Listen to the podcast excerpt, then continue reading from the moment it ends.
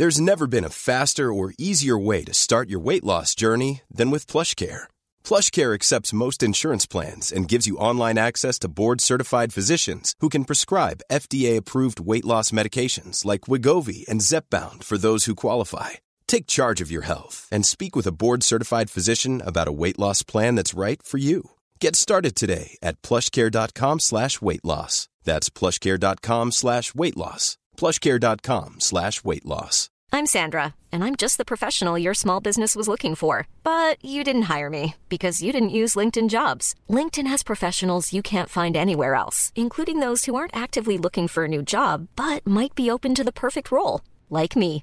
In a given month, over 70% of LinkedIn users don't visit other leading job sites. So if you're not looking on LinkedIn, you'll miss out on great candidates like Sandra. Start hiring professionals like a professional. Post your free job on linkedin.com/people slash people today. Millions of people have lost weight with personalized plans from Noom, like Evan, who can't stand salads and still lost 50 pounds. Salads, generally, for most people, are the easy button, right? For me, that wasn't an option. I never really was a salad guy. That's just not who I am. But Noom worked for me. Get your personalized plan today at Noom.com. Real Noom user compensated to provide their story. In four weeks, the typical Noom user can expect to lose one to two pounds per week. Individual results may vary.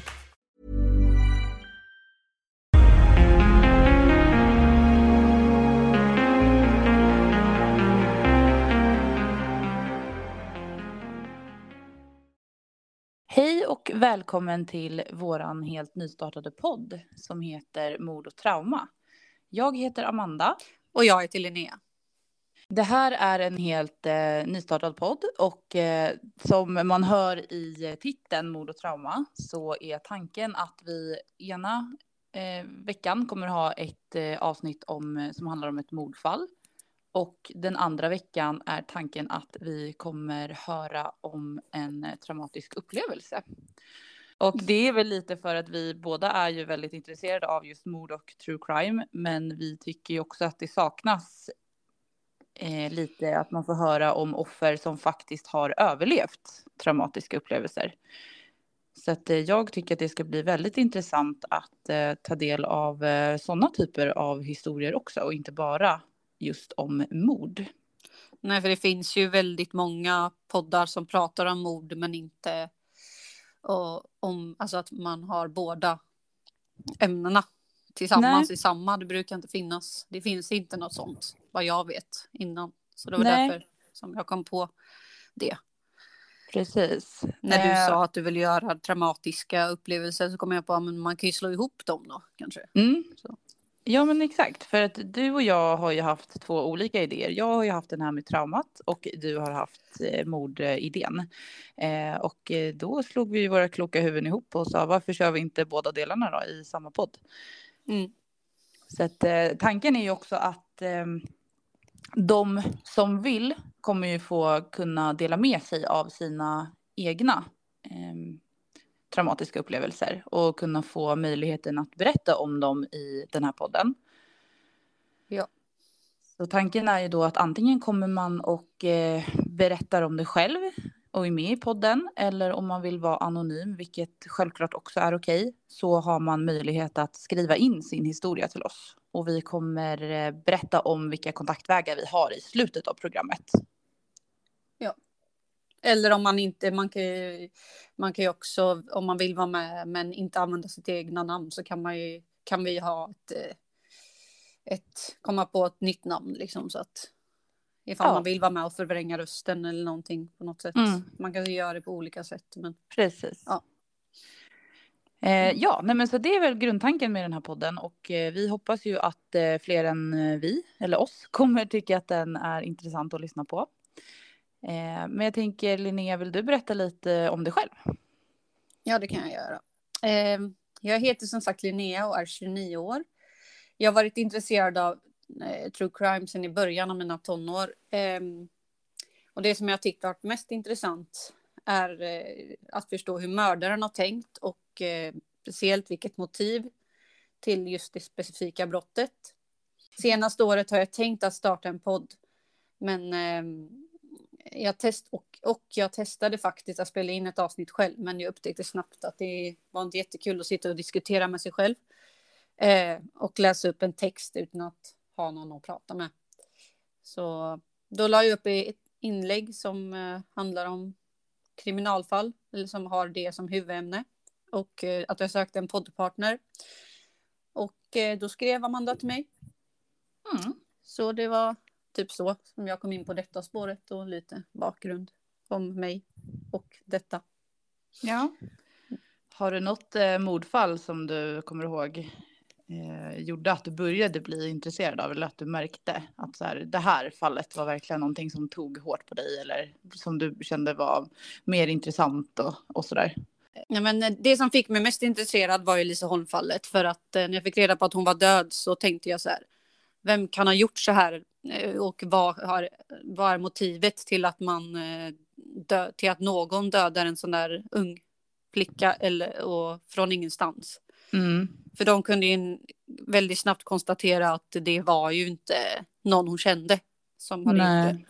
Så det gjorde mig väldigt intresserad och när jag fick reda på att det var inte någon hon kände när de bekräftade det då blev jag så här, ja men vad, vad hände? Vad fick han det ifrån eller var, liksom eh, hur kan det ha blivit så? Mm. Så det var så jag tänkte med det och det var det fallet som fick mig att bli mer intresserad och började, började, att det började göra så att jag började kolla mer på true crime dokumentärer och sånt. Ja. Så det var väl det som gjorde att jag blev. Det var det fallet som gjorde att jag blev mest intresserad skulle jag mm. säga. Eller mer och mer intresserad mm. av ämnet. Ja, det var, Lisa Holm var ju, ett, eller är ett jättehemskt fall, herregud. Det känns ju som att hela Sverige eh, påverkades av, av det fallet. Att alla var så himla investerade i att hon skulle hittas först och sen man som sagt, som du berättade, hörde att, man, eh, att hon hade hittat stöd. Då kändes det som att hela Sverige hamnade i någon form av sorgeprocess. Eh, även fast hon var ju en vanlig person, liksom. hon var ju ingen känd på det sättet. Men det är ju så hemskt att hon blev känd av en sån hemsk anledning. Mm. Eh, men ja, ja men eh, jag har inte egentligen något mordfall så som, som jag fastnade för, utan jag, eh, när Rättegångspodden började eh, sändas eller göras, kommer jag ihåg att jag tyckte det var jätteintressant att just höra den riktiga inspelningen från gärningspersonerna eh, och hur mm. de resonerar när de försöker förklara Alltså förklara varför de har agerat på ett specifikt sätt och uppenbarligen sitter och ljuger. Och jag tyckte det var så himla intressant eh, att eh, liksom höra hur de resonerar med sig själv, om man kan säga så. Ja. Att eh, ja, men det här, det här säger jag, det här låter bra. Men man liksom som lyssnar bara, men hur, hur tror du att folk kan gå på det där? Det är ju uppenbart att det inte är så, men ändå väljer de att sitta och försöka liksom blåneka och ljuga och göra allt vad de kan för att inte åka fast. Eh, trots att det är så tydligt att, att det är de som har gjort det. Eh, så då mm. började jag också intressera mig av just true crime.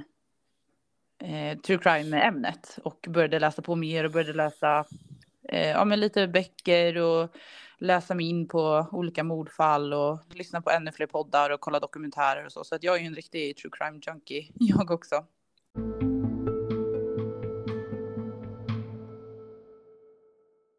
Jag kan ju berätta lite om mig själv också. Eh, jag eh, är 31, snart 32 år och jag bor i Stockholm. Eh, och som jag sa tidigare då, så har jag varit väldigt intresserad ganska länge av just true crime. Ehm, vilket egentligen är rätt förvånande enligt mig själv för att jag är väldigt rädd för döden.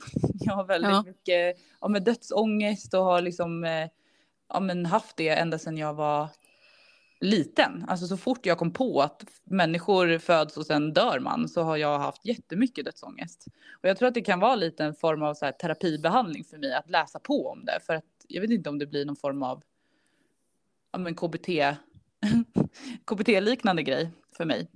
Ja, att, alltså det kan ju eh, vara så ibland att man behöver liksom läsa på mycket om saker för att kunna liksom hantera det bättre och så. Också. Ja, Precis, för det skulle också komma till att jag är en sån person som även om jag tycker saker är obehagliga så sitter jag och googlar om allting i detalj Eh, för att jag vill liksom kunna veta vad man kanske ska ställa sig in på eller om det är så att man vet att ah, men nu ska jag göra det här. Vad ska jag förvänta mig? Eh, jag kan ta det som ett exempel att jag har en son som är snart sex år eh, och födde honom via kejsarsnitt. Och då är man ju vaken medans uh, läkarna skär liksom upp magen på en och tar ut bebisen. Mm. Och jag hade jätteångest över just att jag ska vara vaken och de ska skära i min mage och det är ju djupt liksom. De går ju in väldigt långt. Under eh, muskler och allting. Ja, exakt. Så jag tyckte att det kändes jättejobbigt att att jag skulle vara vaken. Det hade jag sån extrem ångest över och var så himla rädd. Um, så jag satt ju några dagar innan jag skulle in på sjukhuset och göra det här. Så satt jag och kollade på Youtube-videos i detalj över hur läkarna gör för att få ut ett barn via kejsarsnitt. Ja. Och mitt i allt det här så kommer jag på mig själv med att men vad håller jag på med? Det här vill inte jag se. Det var ju hur mycket blod, alltså det var ingen censurering överhuvudtaget. Eh, och då blev jag ju rädd istället. Ännu mer rädd. Ja, det men, hade jag också blivit om jag hade fått se. Ja, eh, hade jag inte kanske jag hade nog tyckt att det var mer liksom värdefullt att se kanske om jag inte skulle göra ett kejsarsnitt utan bara ville veta hur det går till. Men nu satt jag ju verkligen och skulle göra det bara om tre dagar eller något sånt har jag för mig att det var. Um, mm. Så då blev jag ju ännu mer rädd och började gråta när jag kom in där till läkaren och tyckte att det var jättehemskt alltihopa. Uh, så det var inte så bra. Men uh, det visar lite på att jag är en väldigt nyfiken person och jag gillar att uh, ta, ta reda på saker och liksom detaljerade grejer. Även om jag tycker att det är lite obehagligt. Ja, eh, men det är ju, ibland kan det vara bra att inte göra det, ibland är det bra att göra det. Ja, det exakt. Precis. Vad man vill göra just då. Precis, och sen har jag ju också en, um, en egen traumatisk upplevelse som handlar om att jag höll på att bli kidnappad som fyraåring av en pedofil. Um, och då har jag också tyckt att det har varit väldigt intressant att liksom läsa om andras traumatiska upplevelser. Och um, det var så jag kom upp med den här idén att man kanske ska starta en podd då, där folk får chansen att prata om det. Ja. Eh, så det var därför jag nappade på ditt inlägg där på Facebook när du skrev. Jag tänkte att ja, men det här var ju perfekt, för jag har ju tänkt på det länge och sen dök den här möjligheten upp. Um, ja. Så det var därför jag skrev till dig och kände att ja, men vi provar. Så ja. får vi se vad som händer. Alla får ju ha lite överseende om att man är nybörjare bara, men det har de flesta, det vet jag. För det är många som börjar, alla börjar ju någon gång. Exakt. Alla börjar någonstans och vi har ju ingen journalistutbildning eller något sånt där bakom oss. Ehm, så att vi, eh, vi gör så gott vi kan och eh, blir det bra så blir det det. Och det är ju superkul om flera vill lyssna på oss och eh, andras historier. Men Linnea, ska du, jag tänker att vi kan väl börja med att gå in på vilket fall som där vi ska ta upp i det här första avsnittet. Ja. För du har ju en nära koppling till det här fallet. Kan inte du berätta lite om vad för koppling det är? Jo, första fallet vi ska börja prata om handlar om ett mord som hände utanför Trollhättan. Det är min gamla klass klasskamrats sambo som är offret. Och eh, det gör ju att det är lite nära som du sa. Det ska bli intressant att, att ta oss igenom det här mm. fallet eh, tillsammans. Men eh, du kan väl börja då, Linnea? Ja.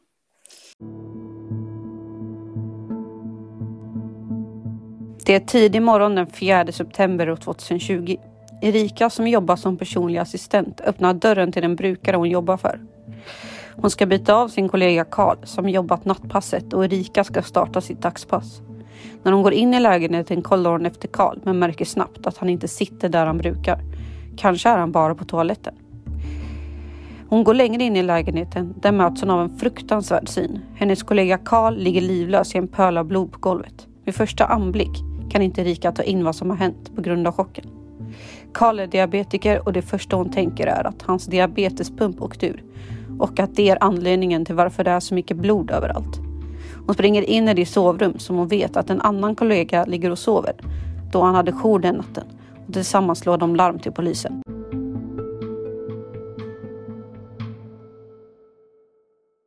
Ambulans kommer snabbt till bostaden och man konstaterar med hjälp av att kolla temperaturen på kroppen att Karl har varit död i flera timmar. Rättsläkare tillkallas till bostaden som kunde fastställa att Karl inte dött av att hans diabetespump åkt ur eller av någon annan olycka. Karl har fått utstå flertalet hugg mot halsen och alla tecken tyder på att Karl har blivit mördad. Rättsläkaren kunde även se att Karl måste ha blivit attackerad med kniv bakifrån då han satt på en stol vid matbordet i köket. Polisen börjar genast sitt arbete med att leta spår från vem som kan ha mördat Karl. Man hittar inte mycket spår eller ledtrådar i början. Det man hittar är blodspår på uteplatsen samt spår efter en blodig strumpa på kullerstenarna utanför lägenheten. Med hjälp av blodspåren förstår man att gärningspersonen lämnat lägenheten genom uteplatsen efter att mordet utförts. Man upptäcker även att brukarens telefon och plånbok saknas. Det fanns inga direkta hotbilder mot Karl, så polisen kunde inte förstå vem som skulle kunna göra något sånt här mot honom. Så man började rikta misstankarna mot de som jobbade den natten. Kollegan Jonas som var den som hade legat och sovit i ett annat rum natten då Karl mördats blir den första som misstänks för mordet. Polisen tar in Jonas på förhör och Jonas förklarar att han inte har någonting med mordet att göra. Att han har legat och sovit hela natten. Polisen tycker att det är konstigt att han har sovit sig igenom ett mord som har skett i samma lägenhet som han har befunnit sig i. Men Jonas förklarade med att han har tagit en sömntablett och satt in öronproppar innan han gått och lagt sig. Vid närmare undersökning kunde man inte hitta några tekniska spår som kunde binda honom till mordet. Nästa steg i sökandet efter en gärningsperson till mordet var att kolla igenom brukarens bankkonto för att se om man kan se ifall det var några händelser som eh, har varit konstiga eller inte varit i linje med det vanliga användandet av bankkontot. Det man kan se då är att det överförts en större summa pengar från sparkontot till privatkontot. Summan var på över 30 000 kronor. Eftersom brukarens bankomatkort även saknas från bostaden börjar polisen misstänka att denna överföringen har koppling till mordet på Karl. Man kan även se att det gjorts ett uttag av pengar på en bankomat i Ljungskile som ligger cirka fyra mil från Trollhättan samma natt som Karl mördats. Polisen släpper misstankarna mot kollegan Jonas då man anser att det var orimligt att han skulle mördat Karl, åkt fyra mil för att ta ut pengar från brukarens konto och tillbaks till bostaden och somnat om igen. Istället börjar polisen undersöka vem eller vilka som haft tillgång till brukarens bank-id och man kommer fram till att det handlar om totalt fem personer som alla jobbade som assistenter till brukaren. Polisen får även tag på övervakningsfilmen från bankomaten i Ljungskile där det togs ut pengar från brukarens konto. På filmen syns en person som täckt i princip hela ansiktet förutom ögonen. Polisen visar filmen till några av de anställda som jobbade på assistentbolaget för att, för att se om de kunde känna igen personen på filmen. En av de anställda tyckte sig känna igen personen och berättar att det ser ut att vara en annan anställd på assistentbolaget, en person vid namn Anna. Vilket även är en av de fem personer som haft tillgång till brukarens bank-id. Man kan även se att Anna både är kusin samt assistent till brukaren. Den 6 september spårar polisen Anna till hennes lägenhet i Uddevalla där hon grips för att vara inblandad i mordet på Karl. Annas bil tas in till polisen för att leta efter bevis som kan koppla henne till mordet. Bilen undersöks med hjälp av en blodstördundersökning, vilket är en metod som används för att se om det finns blodspår på den aktuella platsen man undersöker. Med hjälp av ett medel samt en slags UV-lampa kan man se om det finns blodspår, även om bilen blivit tvättad. Undersökningen visade att det fanns spår av blod i Annas bil och proverna skickas till NFC för vidare bedömning. NFC kan dock inte hitta några spår av blod när proverna analyserats. När man fortsätter undersöka Anna kommer det fram att Anna lider av ett grovt spelmissbruk, vilket innebär att hon ständigt var i behov av pengar. Enligt polisens uppgifter kan man se att Anna gått in på diverse spelsidor på nätet ungefär varannan timme den senaste tiden. I förhör med polisen efter hennes gripande är hon väldigt öppen med att prata om sitt spelberoende. Hej, det är Ryan Reynolds och jag är här med Keith, co-star of my upcoming film If, only in theaters May 17 th Do you want to tell people the big news? All right, I'll do it. Sign up now and you'll get unlimited for $15 a month in six months of Paramount Plus Essential Plan on us. Mintmobile.com slash switch. Upfront payment of $45 equivalent to $15 per month. Unlimited over 40 gigabytes per month. Face lower speeds. Videos at 480p. Active Mint customers by 531.24 get six months of Paramount Plus Essential Plan. Auto renews after six months. Offer ends May 31st, 2024. Separate Paramount Plus registration required. Terms and conditions apply if rated PG. If you're looking for plump lips that last, you need to know about Juvederm Lip Fillers. With Juvederm Volbella XC and Juvederm Ultra XC, your lip look, whether it's subtle or bold, can last up to one full year with optimal treatment and no additional maintenance. Find a licensed specialist and see if it's right for you at juvederm.com today. That's J U V E D E R M.com. Add fullness to lips in adults over 21 with Juvederm Volbella XC or Juvederm Ultra XC. Do not use if you have severe allergies or a history of severe allergic reactions, or if you're allergic to lidocaine or the proteins used in Juvederm. Tell your doctor if you have a history of scarring or taking medicines that decrease the body's immune response or that can prolong bleeding. Common side effects include injection site redness, swelling, pain, tenderness, firmness, lumps, bumps, bruising, discoloration, or itching. As with all fillers, there's a rare risk of unintentional injection into a blood vessel, which can cause vision abnormalities, blindness, stroke, temporary scabs, or scarring. For full important safety information, visit juvederm.com. Detta gjorde att misstankarna stärktes då man började förstå att pe- ett pengamotiv kan ligga bakom detta fruktansvärda brott.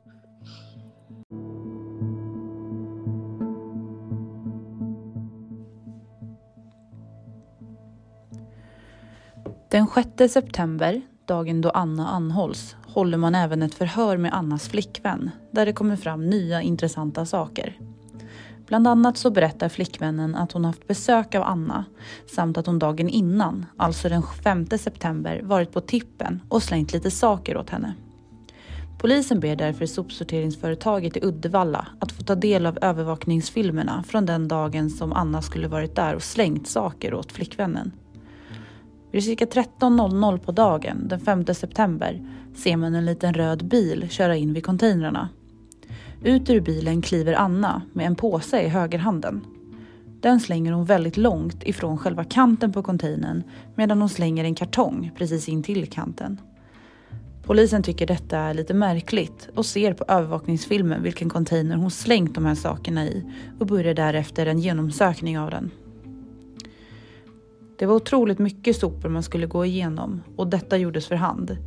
Men på övervakningsfilmen kunde man se att påsen Anna slängt var en papperspåse från en större matbutikskedja. Så man visste exakt vad det var för påse man letade efter. Påsen hittades till slut och i den fann man väldigt intressanta saker såsom skor, strumpor och handskar. Dessa saker fanns det även blod på. När Anna konfronteras med de fynd polisen gjort på återvinningscentralen får hon inte reda på att det är blod på dem från början eftersom de inte vet med säkerhet att det är offrets blod man hittat på dem.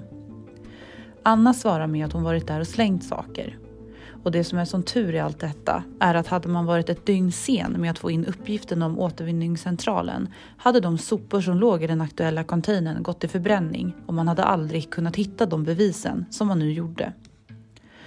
Kort senare kommer proverna tillbaks på blodet man hittat på föremålen i påsen och man kan konstatera att blodet tillhör offret.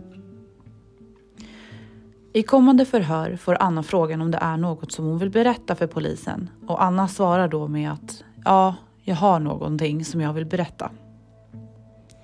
Hon börjar med att skissa upp två personer som hon hävdar är personerna som ligger bakom mordet på Karl. Hon börjar sedan berätta om vad som hänt natten då Karl mördas.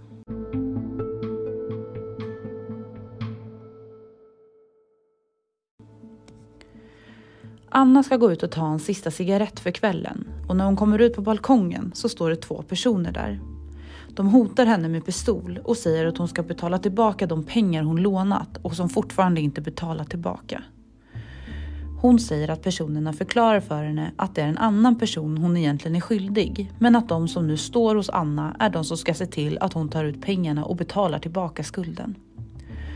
Personerna slänger ett par skor till henne och säger att hon ska ta på sig dem och att hon ska följa med dem därifrån. Hon blir medtvingad in i deras bil och man börjar köra mot Trollhättan. Man parkerar bilen nära brukarens bostad och börjar gå mot brukarens lägenhet. Utan att veta vem eller vilka som jobbade den natten knackar Anna på fönstret i bostaden. Karl, som var den som jobbade den natten, drar upp persiennen. Anna ljuger ihop en historia om att hennes bil gått sönder och behöver låna en telefon för att ringa efter hjälp. Karl går då och öppnar porten och släpper in henne. Anna och Karl sätter sig ner vid köksbordet och pratar en stund och sedan tar Anna brukarens telefon. Men istället för att ringa efter hjälp går hon in på brukarens bankkonto och för över pengar från hennes sparkonto till brukarens lönekonto. Hon har då varit i lägenheten i cirka en timme. Hon fortsätter sedan att berätta för polisen att ena personen som hon kallar för Allan störtar in i lägenheten genom altandörren och går fram till Karl som sitter vid matbordet och riktar en pistol mot hans huvud. Karl försöker ta telefonen som nu ligger på matbordet och då byter plötsligt Allan ut pistolen mot en kniv och hugger Karl med den. Anna som säger sig stå bakom Allan och Karl blir så chockad att hon faller ihop på golvet intill kylen och frysen. Allan går sedan mot Anna, drar upp henne från golvet och säger att det är dags att lämna lägenheten nu och att hon ska ta med sig brukarens plånbok. Hon kan inte riktigt komma ihåg hon kom ut i hallen och fick tag på plånboken men på något vänster får hon det och springer ut efter Allan. Anna har inga skor på sig när hon lämnar och Allan tvingar tillbaks henne för att hämta brukarens telefon. Efter detta kör man till en närliggande bankomat. Hon blir tilldelad en huvtröja samt en mössa som hon ska ha på sig när hon tar ut pengar för att inte bli igenkänd på kameran som finns vid bankomaten. Anna går fram till bankomaten och försöker ta ut pengar från ena kortet. Men då hon inte kan koden till det får hon inte ut några pengar på det kortet. På det andra kortet får hon ut 15 000 kronor. Hon går därefter tillbaka till bilen och lämnar tillbaka kläderna och personerna kör sedan mot Annas lägenhet igen. Hon blir avsläppt cirka 500 meter från bostaden och får gå resten av vägen. Hon får även en vecka på sig att fixa resterande pengar hon är skyldig, vilket är 35 000 kronor. När hon kommer hem igen märker hon att hennes kläder och skor är blodiga, så hon tar av sig dem, hoppar in i en dusch och går sedan och lägger sig. Polisen börjar undersöka om dessa detaljer som Anna berättat kan ha någon sanning bakom sig och ser att om det skulle varit fler personer inne i lägenheten med Anna är det i princip omöjligt att de inte lämnat några spår efter sig i allt blod på golvet. Man saknar även övriga spår på brottsplatsen som kan tyda på att det Anna berättat skulle stämma. Det fanns bara spår från en person och ingen annan, vilket indikerar på att berättelsen som Anna beskrivit inte stämmer. Det finns inget annat som stödjer hennes berättelse heller. Man kan även se blodstänk på kyl och frys där Anna hävdar att hon föll ihop, vilket indikerar på att hon inte kan ha stått där vid tillfället då Karl mördas. Tingsrätten dömer Anna till 18 års fängelse då man anser att det är utom rimligt tvivel att det är Anna som är skyldig till mordet på Karl. Hovrätten skärper sedan straffet till livstid. Övervåldet mot Karl anser hovrätten vara så pass brutalt att Anna inte kan ha haft någon annan avsikt än att döda honom. Hovrätten dömer henne även till framkallande av fara för annan, grov stöld och två fall av bedrägeri. Under förhören av anhöriga har det även kommit fram att Anna några månader innan mordet lånat pengar av bekanta och ska även hört av sig till brukarens mamma och frågat om att få låna pengar av brukaren. Något som inte beviljades. Hon bestämde sig därför att gå in i brukarens bostad för att stjäla brukarens telefon och plånbok. Anna ska därefter ha smugit sig på Karl och huggit honom med minst åtta knivhugg och sedan lämnat honom att förblöda i lägenheten. Anna blev dömd för framkallande av fara då brukaren under tiden som gick mellan att Karl mördades tills dess att han hittades på morgonen befunnit sig i livsfara då denna person behövde konstant övervakning. En anhörig till brukaren berättar i förhör att brukaren hade dött på 10 minuter om slangen till respiratorn hade hoppat ur, vilket är en livsuppehållande maskin för brukaren och därför var extremt viktig att hålla koll på. Hon blev även dömd till att betala 293 613 kronor i skadestånd till de anhöriga. Anna har hela tiden nekat till brott. Sommaren 2021 överklagar Anna sin dom till Högsta domstolen då hon anser att polisens utredning varit bristfällig och att man inte undersökt spår ordentligt i brukarens lägenhet. Högsta domstolen avslår prövningstillstånd av målet och hovrättens dom står därför fast. Och Anna sitter just nu av sitt straff i fängelset.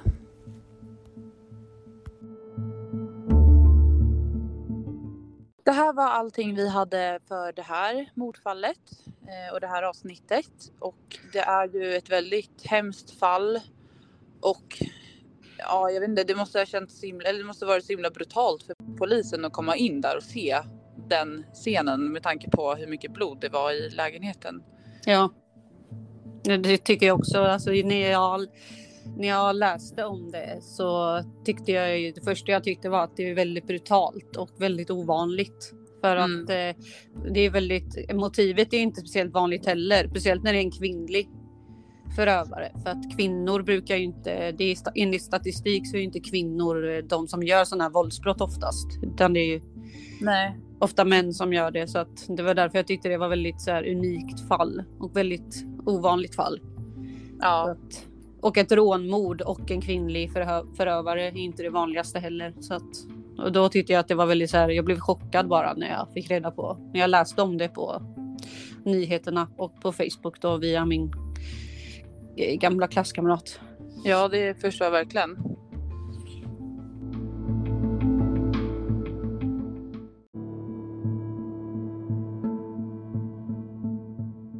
Som vi gick in på i eh, historien eh, tidigare så, så hade ju Anna ett väldigt grovt spelmissbruk.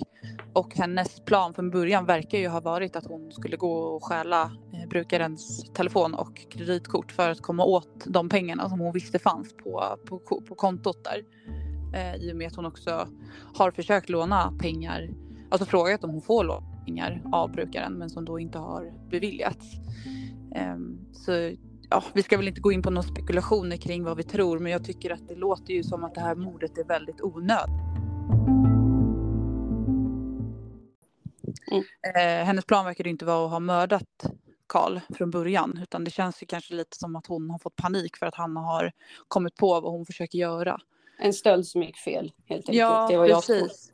Och det känns så himla hemskt då att en person ska behöva sätta, alltså en helt oskyldig person som inte har någonting med det här att göra ska sätta, behöva sätta livet till liksom för att för att ett spelmissbruk ska kunna hanteras av den personen liksom. Eh, Eh, eh, för han hade ju inte, alltså han hade inte, hon hade inte lånat pengar av honom eller någonting så det var inget personligt mot honom ändå. Nej, så att, precis, så det känns det är det, gör det ju ännu värre. Ja, verkligen. Alltså jätte, jättehemskt verkligen att, att han bara var på fel plats för fel tillfälle. Och det, Mm. det ofta är det ju så om det inte är ett planerat mord liksom. Eh, Den som är i vägen får betala för Ja, väldigt ofta. ja. Det är ju så hemskt att det ska behöva vara så. Tyvärr. Ja. Mm. Men det är ändå skönt att veta att hon eh, fick sitt straff, att hon sitter, sitter kvar i fängelset. För, Mm.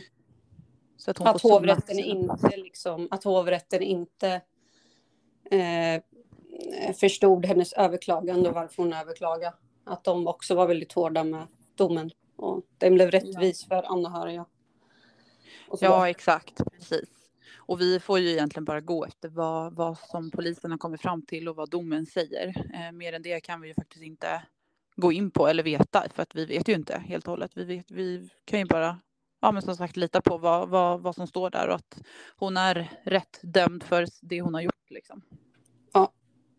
Och att, det, är- att förundersökningsprotokollet är välskrivet och det får man ju lita på att de har gjort sitt jobb rätt. Och det brukar de göra väldigt ofta i alla fall när det gäller sådana här brutala fall och eh, speciellt mord. Då brukar de vara väldigt noggranna med hur de, alltså hur de eh, deras efterforskningar och sådär. Mm. Innan. Ja, verkligen.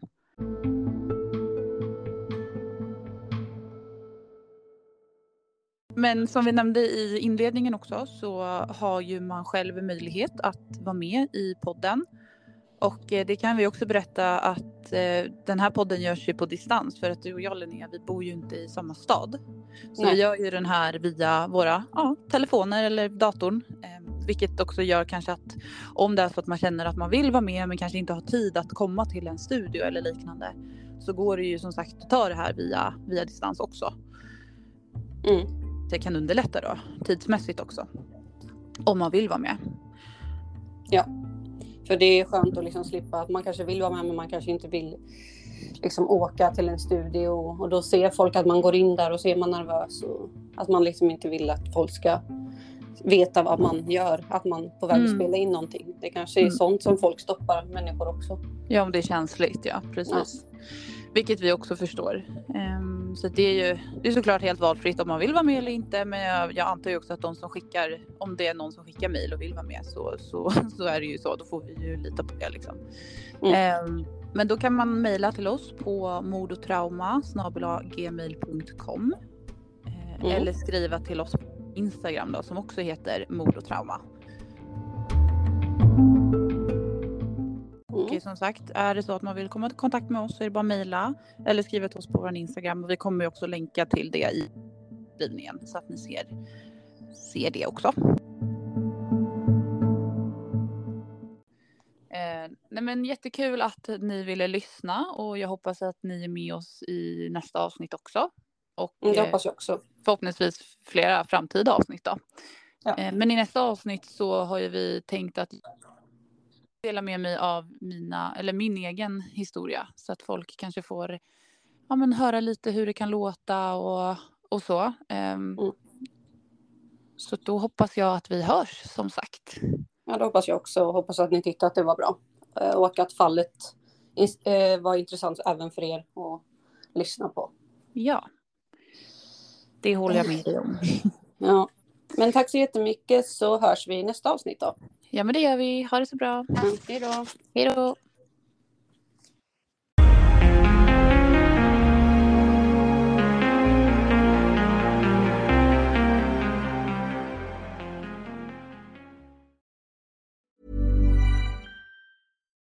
Why don't more infant formula companies use organic, grass fed whole milk instead of skim?